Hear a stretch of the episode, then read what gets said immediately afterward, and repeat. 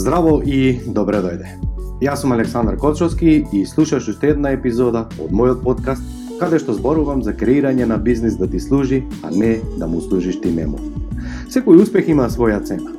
Една од цената која што треба да ја платиме за да изградиме успешен бизнис и живот е лична едукација, а тоа е што представува моја страст. Здраво и добре дојде на денешната подкаст епизода, која што ќе зборуваме за четирите нивоа во бизнис. Инаку ова доктор Иса Кадиже го има објаснето преку животна фаза на една компанија и низ кои се фази поминува една компанија и таму имаме повеќе сегменти, повеќе нивоа, но за да ти упростам и за да ти биде полесно сватливо или поедноставно, денес го сведов на четири нивоа, а поентата, односно целта до крајот на овој подкаст ми е да се препознаеш во кое ниво си, и кој е твојот следен чекор и нормално што се треба да превземеш како би стигнал тамо, секако доколку сакаш, ако не сакаш, тоа е твое право. И првото, најосновно ниво, во кое што спаѓа најголем дел од предприемачите, што е сосема нормално, е физичко ниво. Што значи физичко ниво? Тоа значи дека едноставно си работник или си се вработил и наместо да работиш за друга компанија, ти работиш сега во собствената компанија што значи си креирал работно место. Значи, сега немаш човек кој што е над тебе, зад тебе, лево, десно, туку ти си првиот човек, така, имаш свој бизнес, но ти и понатамо продолжуваш со работа. И ова е сосема нормално и најголем дел од бизнисите така започнуваат, нели? Си бил поранешен електричар, се охрабруваш, отвараш своја фирма, нели? И продолжуваш понатамо си работеш со електриката си бил поранешен столар, сега отвараш своја фирма и ти продолжуваш со столарството, програмирање, маркетинг, што и да е. Значи, најголем дел од бизнисите вака започнуваат, но што е проблемот? Проблемот е што најголем дел од нив дури и цел живот остануваат таму. А што е карактеристично и дали знаеш дали си на ова ниво, па многу едноставно, не ти стига денот и имаш борба постојано со времето. А зошто не ни стига денот, ако сме наоѓаме на ова ниво? Затоа што ние сега, како вработен, сме имале само една обврска, а тоа е да ги завршиме оперативните задачи. Значи, ако си програмер, да програмираш. Ако си архитект, да се бавиш со архитектура. Ако си а, електричар, да се бавиш со електричарството, со возач со возењето, нели? Е, денеска со твојот бизнес веќе немаш само таа функција која што се обавувал во минатото, Туку сега имаш и вработени, имаш и добавувачи, имаш и набавка, имаш и маркетинг, имаш и продажба, имаш и комуникација, имаш и сметководство, имаш и плаќања, имаш и книжења, значи имаш еден куп задачи што до вчера си ги немал, а најчесто луѓето мислат дека со започнување на свој бизнис, дека едноставно они со продолжување на она што го работеле во минатото, колку се подобри, поквалитетни и поевтини, дека ќе успеат да изградат успешен бизнис. И ова сето е во ред, но до некаде. Е сега, зошто велам до некаде? Затоа што сам човек ништо не може да направи и се додека не го промениш твојот мајндсет од работник кон следната фаза, односно следното ниво, а тоа е менеджер, едноставно цел живот ќе се вртиш во круг, цел живот ќе работиш како конј по 10-20 часа, И децата ќе ти пораснат, нема да ги видиш, и на одмор ќе идеш под чадор на Вибер, и викендите ќе ги поминуваш на телефони или на мејлови пред компјутер, и по цел ден ќе одговараш на телефони, кој како ќе ти се јави, постојано имаш чувство дека ако не се јавиш дека нема дека ќе изгубиш клиент и постојано имаш чувство дека ако ти тамо не ги преконтролираш работиве дека клиентите нема да бидат услужени, и дека ако не бидат услужени, дека нема да ти доплатат или нема да стигнеш до плаќања или се останато што се сосема нормални мисли и чувства за ова ниво.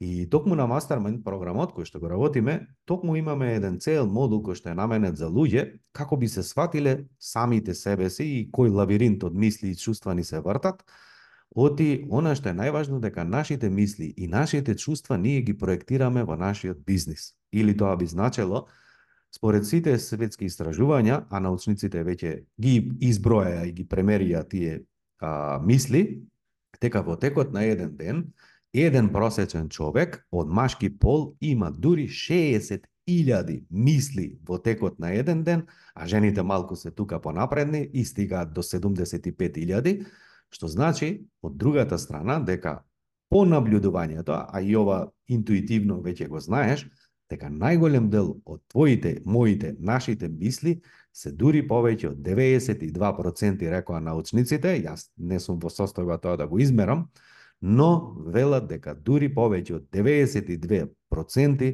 се деструктивни мисли. Што значи деструктивни мисли? Преиспитување, дали си доволно добар, дали ти дар, знаеш, дали знаеш кај носиш фирмата, дали ќе ти стигнат парите, дали ќе стигнеш на време да платиш струја, вода, режиски плати, придонеси чуда, дали на време ќе ги вратиш кредитите, дали ќе успееш да стигнеш на роден денот од синти, дали ќе идеш на време на ќерка ти на, на родителска и се останато, значи имаш милион и една грижа во текот на денот, Од друга страна имаш околу тебе луѓе кои што ти се вработени, но не ти се вработени со работна позиција, туку тие се помагачи, затоа што човек кој што е оперативец, човек кој што е а, има работнички мајндсет, тој не бара квалитетни вработени, туку бара некој што ќе му помогне околу лево десно, затоа што он не ги дава работите, сака сам да ги работа, и некој што е глуп, некој само нели колку да му помогне околу, за да он може да се бави и понатаму со работите кои што ги работел предходно. Значи, продавач сака и понатаму да продава, програмер сака и понатаму да програмира, маркетер сака и понатаму да се бави со маркетинг и сите останати работи, и сите овие страни работи што му доаѓаат, сметки, пари, фактури, понуди, чуда, за него е страно тело и како тело кога имаме вирус, дигаме температура за да се избори телото, нели, за да ги сварли овие, да ги уништи, е на ист начин и ние Кога сме оперативец со работнички мајнцет, едноставно се што ни доаѓа надвор од она што сакаме да го работиме и го знаеме, едноставно гледаме само како да го тргнеме од нас и најчесто тоа го даваме на погрешни луѓе, И не само што го даваме на погрешни луѓе, туку ги пропуштаме приликите да ги слушнеме луѓето, кои се нивните потреби, кои се нивните критики, како да го слушнеме пазарот и се останато, што е клучно дали ние ќе растеме и понатаму. Она што е исто така карактеристично за оваа фаза, каде што луѓето работаат физички, зошто велам физички, затоа што нонстоп си оператива, нонстоп работиш на мускули, нели? Поентата е со нив е што животниот век им е краток. Е, зошто краток? Е, ова е многу интересно. Ако наблюдуваме било кој еден професионалец спортист, и сега зависи од одреден спорт, имаме животен век колку може тој да го постигне максимумот. Во некои спортови тоа е 25 години, во некои 30 години, во некои 35 години, редки случаеви до 40 годишна возраст, најчесто 30-та, 35-та. и подоцна доаѓа кулминација и овој фудбалер, спортист, одбојкар, ракометар, небитно, понатамо својата кариера ја продолжува или како тренер или можеби ќе започне некој собствен бизнис или ќе го однесе во некоја друга вода неговиот живот. Но што е овде клучно? Тоа значи дека има секоја а, секој период од, од животот има своја граница на некој начин. И сега зошто во спортот е таа 30-35 секој еден човек? Знам дека интуитивно знае, а тоа значи дека има време и капацитет да се фокусира на една главна активност, а Има тренери, професионалци кои што соработуваат со него, нели, и за кондиција, и за ментална подготовка, физичка подготовка, храна и се останато, одмор и како и да е. Значи, соработува со клучни луѓе, и него му е единствена грижа како тој да биде професионалец, односно колку повеќе време да се бави со она што му е задача, И нормално сите оние дистракции кои што се, не знам, социјални медиуми, семејството во овој случај, пријатели, роднини, излегување, журки, чуда, ноќен живот, вакво такво, сето тоа е второстепено, односно е отргнато тие работи. И едноставно у тој период и телото е подготвено за максимален ефект и се останато, искуството градено со години си доаѓа на цена и кулминацијата во смисла заработка, испорака на неголема вредност и се останато врвни карактеристики го достигнува пикот на максимум и полека полека веќе тоа се опаѓа. Што значи дека во спортот некаде 35-тата зависни од нели од кој спорт и 40-тата е максимумот. Е сега што мислиш ти, кој е максимумот во твојот бизнис и кој е максимумот во бизнисот? И ова е многу интересно прашање кое што за жал од нанозе го размислуваме интуитивно го знаеме, но јас ќе те повикам само да се подсетиш доколку се наоѓаш на ова ниво за да знаеш кој е твојот следен чекор, ама овој пат зборуваме со факти. Е сега, бидејќи јас не знам на која возраст си ти, што во моментот ме слушаш или ме гледаш, но сакам само да се подсетиш, односно да размислиш, колку луѓе познаваш кои што се наоѓаат на 6-та, на 62-та, 3-та, 4-та година, животна, значи возраст, и понатамо работаат она што ти го работиш, и при тоа се среќни, имаат здрав живот, добро заработуваат, имаат време колку сакаат, имаат време и за себе, и за хоби, и за семејство, и се останато, и еве, си живеат еден убав живот. Колку луѓе познаваш од твоја индустрија и во твое обкружување, кои и понатамо го работат оној начин и она што ти го работиш во моментот. И ова прашање кога им го поставувам на луѓето кога имаме тренинзи, најчесто за жал не можат да набројат ни тројца луѓе, а второто прашање кога ќе го поставам, а тоа е а сега колку луѓе знаеш кои што се успешни предприемачи, кои што имаат убав живот, кои што имаат пристоен живот, кои што имаат време и за себе, и за хоби, и за здравје, и за семејство, и помагаат на заедницата, одат на одмори еднаш, два пати, пет пати, мирни се, немаат стрес, се им е стокмено. Колку вакви луѓе познаваш сега на иста таа возраст? И сега луѓето обично знаат да набројат неколку луѓе такви, но кога ќе размислиме малку подобро, тоа значи дека овие луѓе исто така, нели, се малку, но нешто поинаку направиле навреме во кулминацијата кога едноставно својата сила, својата енергија, нели, дошла до нивниот максимум. Според моје искуство, генерализирам, но според моје искуство, кулминацијата во бизнис е 45-та, максимум 50-та година. После 50-та година е веќе се потешко. Зошто е максимумот? за да го образложам докај 45-та, 50-та година. Затоа што кога сме помлади, ние сме поенергични, повеќе ризикуваме, повеќе имаме мотивација, сакаме да се покажеме, да се докажеме, сакаме да заработиме, сакаме да постигнеме повеќе, имаме предизвици и се останато, нели, стамбено решение, автомобили, одмори, чуда, инвестиции, поголем бизнис, поголем објект и сето тоа е супер но во истиот период забораваме дека црпиме куп искуства, а тоа е како не може, како сме се зезнале, колку луѓе не изманипулирале, колку вработени ни напуштиле баш највеќе кога ни треба, колку клиенти не ни наплатиле на време, колку пати сме увезле грешна роба, шкарт роба, колку пати сме имале проблеми, предизвици, кризи, вакви и такви. Значи имаме сега полно, полно еден сат полн со искуства, а тоа е нашата подсвест, кој што сега доаѓа во моментот каде што ни смета. Сега сме заморни, немаме веќе толку а, енергија како во минатото, немаме толку мотивација, имаме одвишок килограми, ја немаме таа енергија и сега сакаме се препазливо да направиме. Се плашиме да инвестираме, се плашиме да вработиме, се плашиме да делегираме, и тој цел страв и оние 60.000 што ти ги кажав деструктивни мисли, кои што ти носат деструктивни чувства, на крајот правиш губитнички а, одлуки, се понашаш во бизнисот деструктивно и наместо да а, одиш на следно ниво, едноставно полека полека овде тргнува во надолна линија, затоа што ова е моментот кој што често го велам дека бизнисот те надраснал тебе, а не ти да го надраснеш бизнисот. Што тоа значи? Дека веќе кога ти доаѓа тамо 40-ка, 45-ка, 50-ка, веќе ти немаш енергија и немаш сила и немаш знаење како да се носиш понатамо со бизнисот, затоа што одеднаш имаш вработени повеќе, промет, одговорност према клиентите поголема, имаш кредити, може би, долгови кои што треба да ги платиш, семејството ти бара време, не ти е се исто кога деца, кога си без деца и кога имаш деца на една возраст, па на друга возраст, секој со своји потреби, нели? И сега се си попредпазлив, попредпазлив, попредпазлив и на крајот што ова носи? Па носи до замор и замирање на фирмата. Токму затоа е важен следниот чекор, вториот чекор, а тоа е менаџирање. Што значи менаџирање?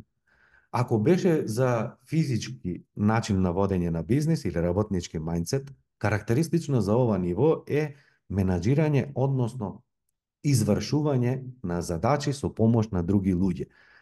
И овде главно се кои вештини ќе ги имаш за комуникација, за планирање, за координирање, за мотивација, за контрола, односно оние менаџерски функции, затоа што добар менаџер знаеме дека е тешко да го пронајдеш, затоа што тоа е збир на повеќе нели вештини, способности и останато, но поентата е дека микроменеджирањето на дневна база повторно има свој лимит.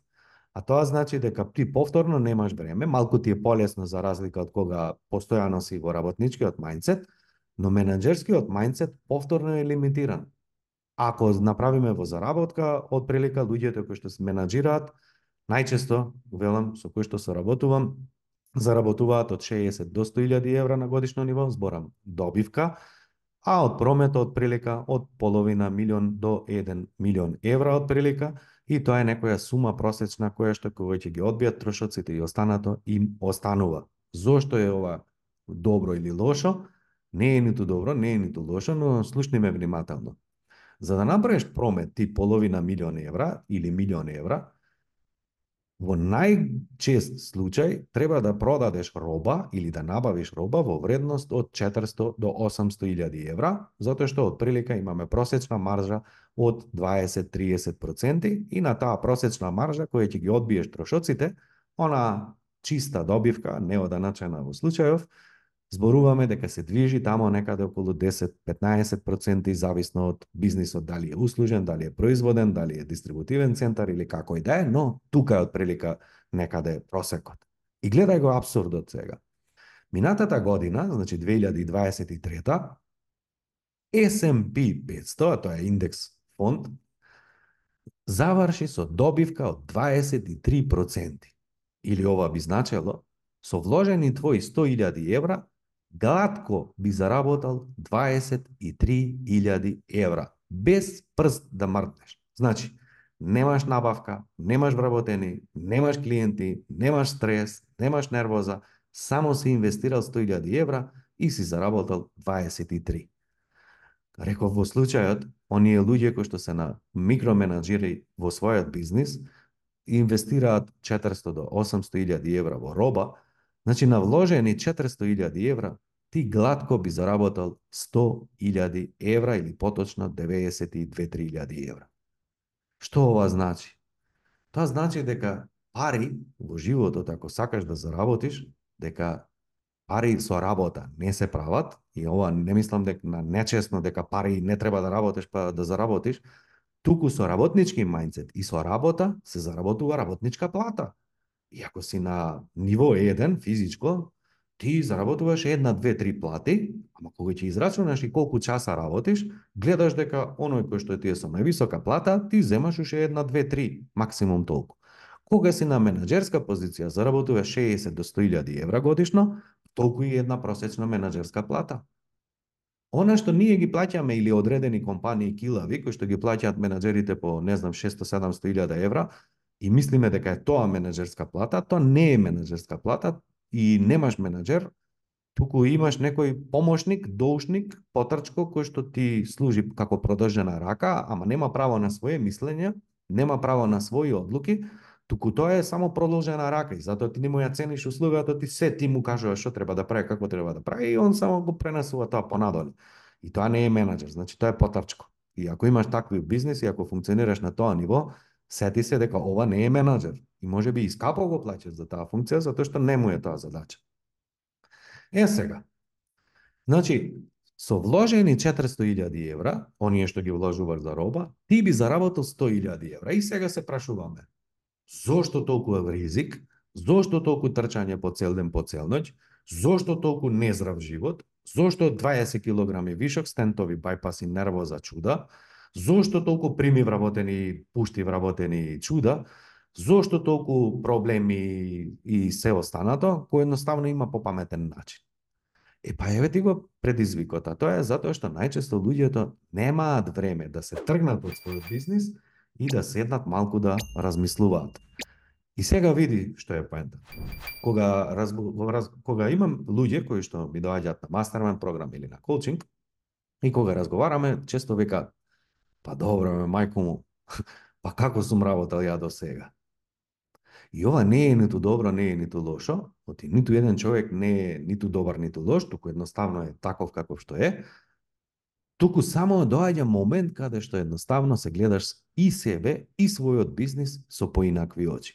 Кога ќе видиш во една иста група на луѓе, 10-15 луѓе, учесници, како едните работаат по 2-3-5 часа неделно и заработуваат 100-200 милиони евра или прават промет, небитно, а имаат и среќен живот, имаат време и за се, така, мирни се, спокојни се, немаат нервоза, И од друга страна, кога ќе каже некој дека се утепува од работа по цел ден, по цел ноќ и нонстоп е со предизвици и со проблеми, а не може да мрдне 300.000 евра промет.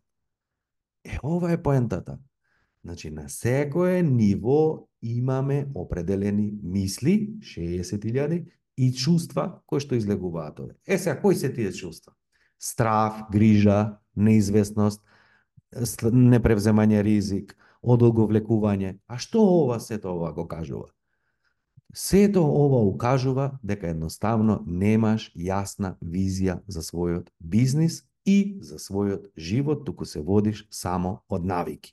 А зошто само од навики? Затоа што сме луѓе и затоа што сме збир од навики. И тоа значи дека ние, ако не размислуваме, буквално сме како робот. Стани од спиење, утепај се на работа, врати се дома. Стани од спиење, утепај се на работа, врати се дома. Милион телефони, трче по луѓе по ова пона и на тој начин само ја пропуштаме приликата. Е токму ова е поентата кога соработуваш со ментор или соработуваш со некој консултант или како и да е, јас се не дека ја ова го зборам и тоа го работам, па ти мораш кај мене, апсолутно не мораш, има исто така квалитетни луѓе кои што ги познавам, кои што работаат одлично, значи не мораш ништо да се работуваш со мене, туку да ти кажам поентата, а тоа е дека улогата на менторот е огледало.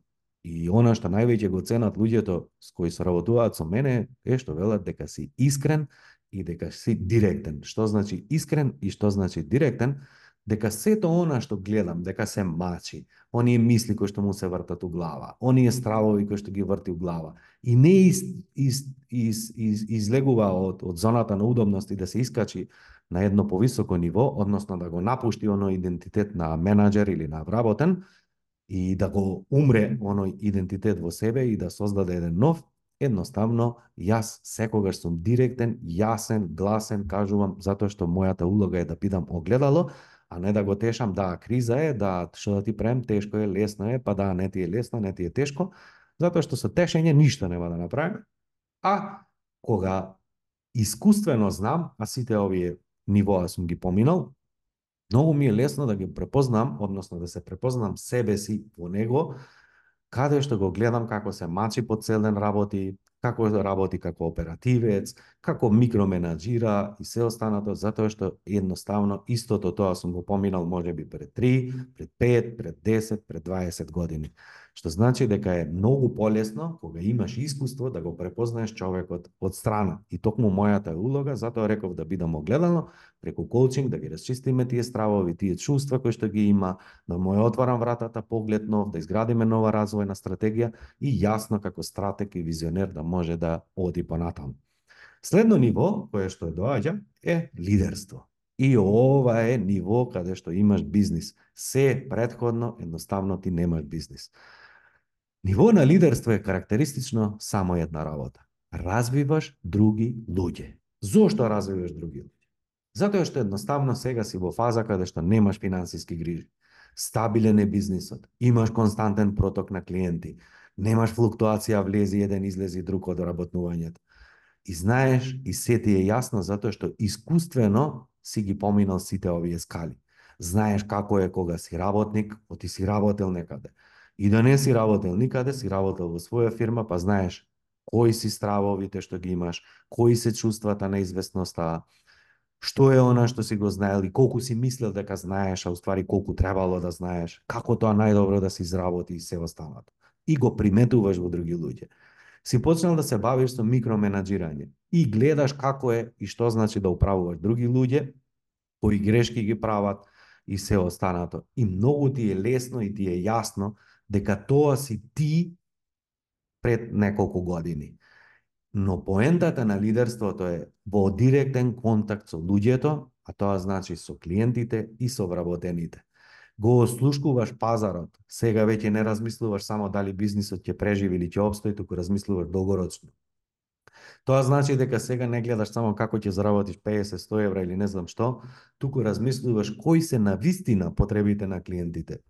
Зошто токму одлучуваат да соработуваат со тебе, а не од некој друг, со некој друг да го скратиш времето, напорот, средствата, ресурсите, значи за да добијат твоја услуга, како ќе ми ја решиш болката најбрзо, што значи си дишиш со своите клиенти, а од своите менаџери бараш да испорачаат таква услуга.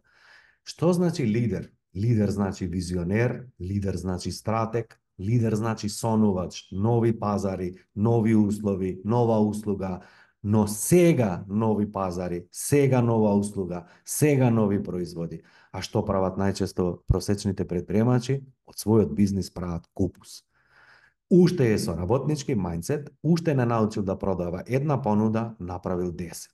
Уште не знае, на научил да, да застапи еден бренд и најдобро да го продаде и да го служи и да го испорача на пазарот по најдобри услови и да извршува најдобри задачи, тие дотураат уште производи, уште услуги, уште објекти, уште вработени, уште машини, уште чуда, затоа што мислат дека она сега што ќе го донесат ќе биде полесно и полесно ќе се продава, а подоцна сваќаме дека кој ќе се завртиме дека од нашиот бизнис не само што сме направиле купус, туку не знаеме ни главата кај ние, и тоа е лавиринтот кој што постојано луѓето го прават, а поентата е дека ако не знаеш да продадеш една понуда и ги ја испорачаш како што треба, Зошто мислиш дека 2, 3, 5 дека ќе ти бидат подобри? Лидер има трпение. Што значи трпение? Па јасно ти е колку години тебе ти поминаа. Кога започна бизнис, како се градеше, кои ти беа стравовите, како трпеливо учеше, колку куп грешки направи. И сега тоа што фактот е дека твој бизнис, ти мислиш дека имаш право само ти да грешиш, а други луѓе да не грешат, Тоа е најголемата твоја заблуда и ова се мисли кои што треба да се чистат. Како да се чистат преку коучинг или психотерапија, најдобро и едно и друго. Зошто стари мисли у ново ниво едноставно само те саботираат. Тоа значи дека имаш трпение, да им помагаш на луѓето, да научат како попрактично и побрзо да ги испорачаат задачите, како менаџерите подобро да планираат, како да бидат поефективни, како да ги осамостоиш самите да донесат одлука, оти поентата е нив да ги изградиш лидери, а не да ти бидат потрчковци. Тоа значи дека најчестата комуникација би гласела како мислиш ти, како ти да направиш, како можам јас да ти помогнам, а не јас да носам одлуки за тебе. И ова е најголемата болка за најголем број предприемачи кои што мислат дека ако самите не одлучат, дека овие други околу нив ќе сгрешат, дека они ако не контролираат, дека другите ќе сгрешат, дека ќе ги осрамат, дека ќе изгубат капитал и само на тој начин глумат родител кој што е премногу грижлив. И ова нема никаква врска со бизнис, туку има само со чувства. И ова буквално повторно ќе кажам се решава со психотерапија или коучинг, што значи родител биди дома, не да бидеш во твојот бизнис, затоа што во твојот бизнис треба што побрзо да ги осамостоиш твоите луѓе, а тоа значи да им дозволиш да прават предвидливи грешки, значи знаеш кај може да сгрешат, пушти го нека сгреши, и по извршувањето седни и направи десиминација, односно што е тоа што се сгрешило, супер што си сгрешил, одлично, ајде да видиме сега нареден пат како може да биде подобро, што научи од ова и полека полека да ги превзема твоите улоги. Е, ова е ниво каде што се заработува повеќе од 100.000 евра, повеќе од пола милион евра, милион евра на годишно ниво, затоа што имаш лидери во секоја една единица, односно во маркетинг сектор, во продажба, во оператива, во финанси или како и да е, а не рогој вреќа. И знаеш дека токму синергијата помеѓу сектори е клуч за обстанок во една фирма, а не колку си ти најпаметен, И ова луѓето кои што имаат високо его, едноставно не можат да се помират како тоа некој менаџер сега што ќе обработаат или некој друг вработен, едноставно има подобри идеи, процесите им се подобри, остваруваат подобри резултати и несвесно го саботираат да не испаднат глупи пред своите вработени. Ова е погубно, Затоа што јас секогаш велам, дај Боже твоите вработени да бидат попаметни од тебе, дај Боже твоите менаџери да бидат попаметни од тебе, затоа што колку побаргу тие се попаметни од тебе, толку побаргу имаш свој живот, свој бизнис, свој приватен живот и уживаш, а не поентата е колку ти си најпаметен, што значи дека овде его нема. И кога ќе кажат дека емоции во бизнис не треба, не мисла, никогаш не мисли никој кога ја ова ќе го каже, односно кој се базира врз темели, а не слепо пренесување на цитати или прочитана мисла. Токму овде се зборува на размислување, токму овде ка се зборува за делегирање, токму овде се зборува за стратегија и планирање, токму овде се зборува дека после тоа нема емоции, односно си ладнокрвен, размислуваш колку што размислуваш и сега само ја препушташ понатамо, значи си донел една одлука, а не да ја вртиш секој ден по стопата и упразно, или како велат американците overthinking или и, или индиците викаат мајмунот во нас кој што скока од гранка на гранка, од една мисла на друга мисла, едно почнеш, друго не завршиш и на крајот се вртиш у круг. Значи, поентата е јасност, лидерство, делегирање. Значи, лидерството се базира на помагање на други луѓе и овде има место само за луѓе кои што се трпеливи. Ако добро ме следиш до сега, тоа значи дека секое ниво си пара своји вештини. Менаџерањето и управување со други значи толеранција, одлучност, јасност, јасна комуникација, планирање, организирање, координирање, а, мотивација и контрола и кога си менаџер, си војник, нема простор дали може или не може, можеш, знаеш, не знаеш, ела да ти покажам ако не знаеш. Кога си лидер, уопште ти не си важен што ти знаеш и што знаеш, тоа подразбира комуникацијски вештини, тоа подразбира лидерски вештини, тоа подразбира емпатија, трпение кон луѓето, тоа значи постојано трубење за својата визија, тоа значи сонување, размислување стратегија, и најди клучни менаџери кои што ќе ти ја издвојат, односно испорачаат твојата визија. Значи, клучот во лидерството е сонување, размислување, план, стратегија, ангажираш менаџери, не дали ќе се постигне ова или не, туку прашањето е само следно. Дали ти си способен овој план да го испорачаш? Дали ти можеш или едноставно да бараме други луѓе? Значи, менаџер е човек кој што твоите визии, твоите планови ги реализира, а не дали треба или не треба. И затоа успешни, квалитетни менаџери не е битна цената, затоа што лидер знае што плаќа и што добива за тоа. Менаџерот подоцна ги испушта едно ниво подолу, каде што комуницира со својот тим, со своите извршители, ја знае искуствено цела работа, цела процедура, ги поминал сите сектори, знае што значи кроење, кантирање, сечење, бушење, програмирање, чуда, значи што и да не знае вработениот едноставно вика чекај пиле, ајде пробај вака, пробај вака, ајде побрзо и едноставно ги следи процесите. И четвртото ниво, тоа е духовно ниво, а што значи духовно ниво? Ова значи врхунец во животот, врхунец, нели, врхунство во бизнисот, а тоа значи просветлување, односно идеи и инвестирање. Секој еден добар предприемач, не менаџер, не оперативец, предприемач, не собственик на бизнис, не секој собственик на бизнис е предприемач. Предприемач знае дека идеите и реализатори се важни за успех. Значи, Ако нешто во животов сватив дека луѓето имаат, секој идиот има идеи, секој еден просечен идиот има куп а, паметни идеи. Но во животов многу малку запознав луѓе кои што се добри извршители на тие идеи. Значи имаме дефицит, односно имаме суфицит, имаме куп идеи, но имаме малку реализатори. Е, токму човек кој што е на духовно ниво, неговата премиса, значи, ја не сакам да си ја расипем животот. Ја не сакам да си ја нарушим комфорот во животот. Ја сакам и да имам време и за семејство, и за одмор, и за здрава храна, и за спорт, и за и за прошетка, и за пријатели, и за роднини, и за се. Не сакам да си го нарушам комфорот. Ако сам сум лидер и работам, ќе заработам помалку, односно повеќе, така, Аман, дали вреди?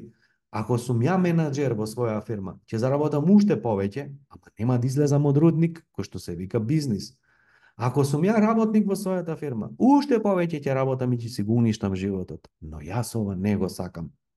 Наместо тоа, креирам идеја. Е, сега ти се потребни идеите за нов производ, за нова услуга, за нова гранка, за ширење во, во ширина или во длабина на твојот бизнис или сосема нов бизнис, како и да е, но јасно ти е дека имаш изградено лидери, твојата идеја ја, ја, ја предаваш на лидерите, лидерите на менеджерите и секако по хиерархија си се одвива планот. Секој еден инвеститор знае дека секоја инвестиција има ризик и дека не секое семе ќе вроди со плод и знае да направи дизерфицикација, што значи дека од 10 идеи една-две ќе вроди со плод и тоа е сосема нормално. Од две-три идеи, може би ни една нема да вроди со плод и тоа е сосема нешто нормално. Но овој човек има капитал, има време, има тим, има енергија, сето ова да експериментира и да губи пари и да губи време ако е потребно, затоа што е ова нова игра на ново ниво. А не ти да си дозволиш, кој што се уште немаш системи, немаш уште квалитетен тим, се уште немаш јасна организацијска структура, а си играш инвеститор и само трчаш инвестираш као лисицата по мудата, што трчала и едноставно правиш несвесно купус од својот бизнис. Значи, многу е важно да се препознаеш во кој во кој ниво спаѓаш и да носиш одлуки од следен чекор, а не на прво ниво, а духовни одлуки. Прво ниво, а лидерски одлуки. Значи, нема шанса едноставно да идеш на факултет, а да не си поминал основно. Ако си пропуштил час по математика и не знаеш множење, дробки и чуда, ти физика или електро со интеграли со чуда, што бараш таму едноставно. Значи, се во животот мора да го заработиме, се во животот мора да го научиме, инаку постојано ќе ни се враќа како бунемеранг, и со дека не научиш дека клучот во бизнисот не си ти, туку бизнисот е зависен од системи и од други луѓе, а не си ти главниот у твој бизнис, Туку твоја улога е да излезеш од твојот бизнис, да седнеш да нацрташ план, стратегија и да седнеш да работиш на твојот мајндсет. Значи да работиш на себе. Оти твојот бизнис е твое огледало. Твоите клиенти се твое огледало. Заработувачката, проблемите, клиентите и се останато се твое огледало. И ова за почеток е супер, затоа што во животот не добиваме она што сакаме или мислиме дека заслужуваме, туку добиваме од други луѓе огледало, клиентите, вработените, се од другите луѓе се наше огледало и тие служат само во насока да ни кажат на што ние треба во иднина да работиме. Значи, те нервира вработен, супер, имаш процес кој што не ти е затворен. Те нервира вработ менеджер, супер, имаш процес кој што не ти е затворен. Те нервира клиент за услови за останато, да, имаш процес кој што не е затворен И се дека овој круг не го затвориш чекор по чекор, едноставно одењето на следно ниво е невозможно.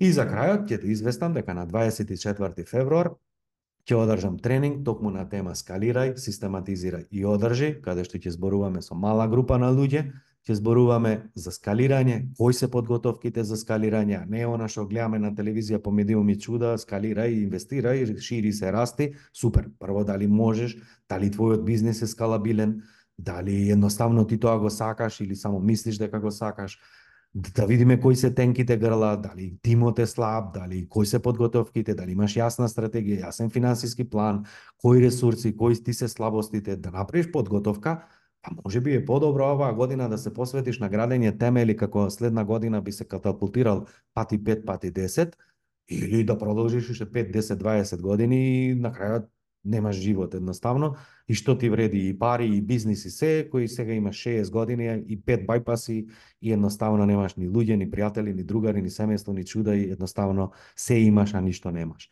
Следна работа која што ќе зборуваме е за систематизирање, затоа што многу јасно ти кажав, ако ме следеше, дека Системи и други луѓе се клучот за успехот, а системи значи јасни протоколи, јасни процедури, како луѓето она што функционира, едноставно да проложат и да се осигураш дека и понатамо ќе го применуваат, затоа што во бизнисот вработени и менаџери бараме луѓе кои што следат систем, а не тераат рого и увреќа по свое, или они се најпаметни, или не знам што, туку тражиш луѓе кои што следат системи. Тие што експериментираат, што сакаат по ова, по она, само едноставно поздрави се со нив, нека филозофираат, у свој бизнис кај ќе отворат. У мојот важат мој правила. Супер. И на крајот доаѓаме до третата фаза, а тоа е одржи како сите овие промени кои што си ги вовел да се одржат долгорочно, а не да биде како велат србите свако чудо за два дана и ти скокаш као поп-ап со оние нели реклами и со вработените, е ова ќе правиме, тоа ќе правиме, вие треба да се стегнете, треба ова, треба тоа и по три дена нели те гледаат и се чудат што му е ново, аве го ќе му помине за три дена и на крајот нема од ова ништо. Токму затоа ќе ти ги кажам трите чекори како дали твојот бизнис е скалабилен или треба да пронајдеме скалабилна понуда, дали и како имаш системи, како се тие системи и како треба да ги направиш и како да го одржиш на долг рок. Што значи, повторно ќе ти кажам дека се она што го имаме во моментот како реалност, како основа, не е ниту добро, не е ниту лошо, само од тебе зависи како на тоа ќе гледаш. Ако на ова гледаш како можност за развој, се пријавиш на семинар, дојдеш да дискутираме и ги решиме овие предизвици, е една опција. Ако решиш понатамо со глава уцит, по твој начин, твој живот, твои правила, јас немам право да коментирам и да ти кажам што е најдобро за тебе. Се надевам дека излече доста полки од ова сето, се гледаме во нова ета. Поздрав! Ти благодарам што одвои време да ме слушаш на овој подкаст. Доколку сакаш да соработуваш со мене, Најдоброто место е да се информираш за актуелните понуди е www.aleksandarkochovski.com и секако немој да заборавиш да се претплатиш на мојот ньюслетер, каде што исто споделувам бесплатни информации и навремено ќе дознаеш за сите бесплатни онлайн тренинзи.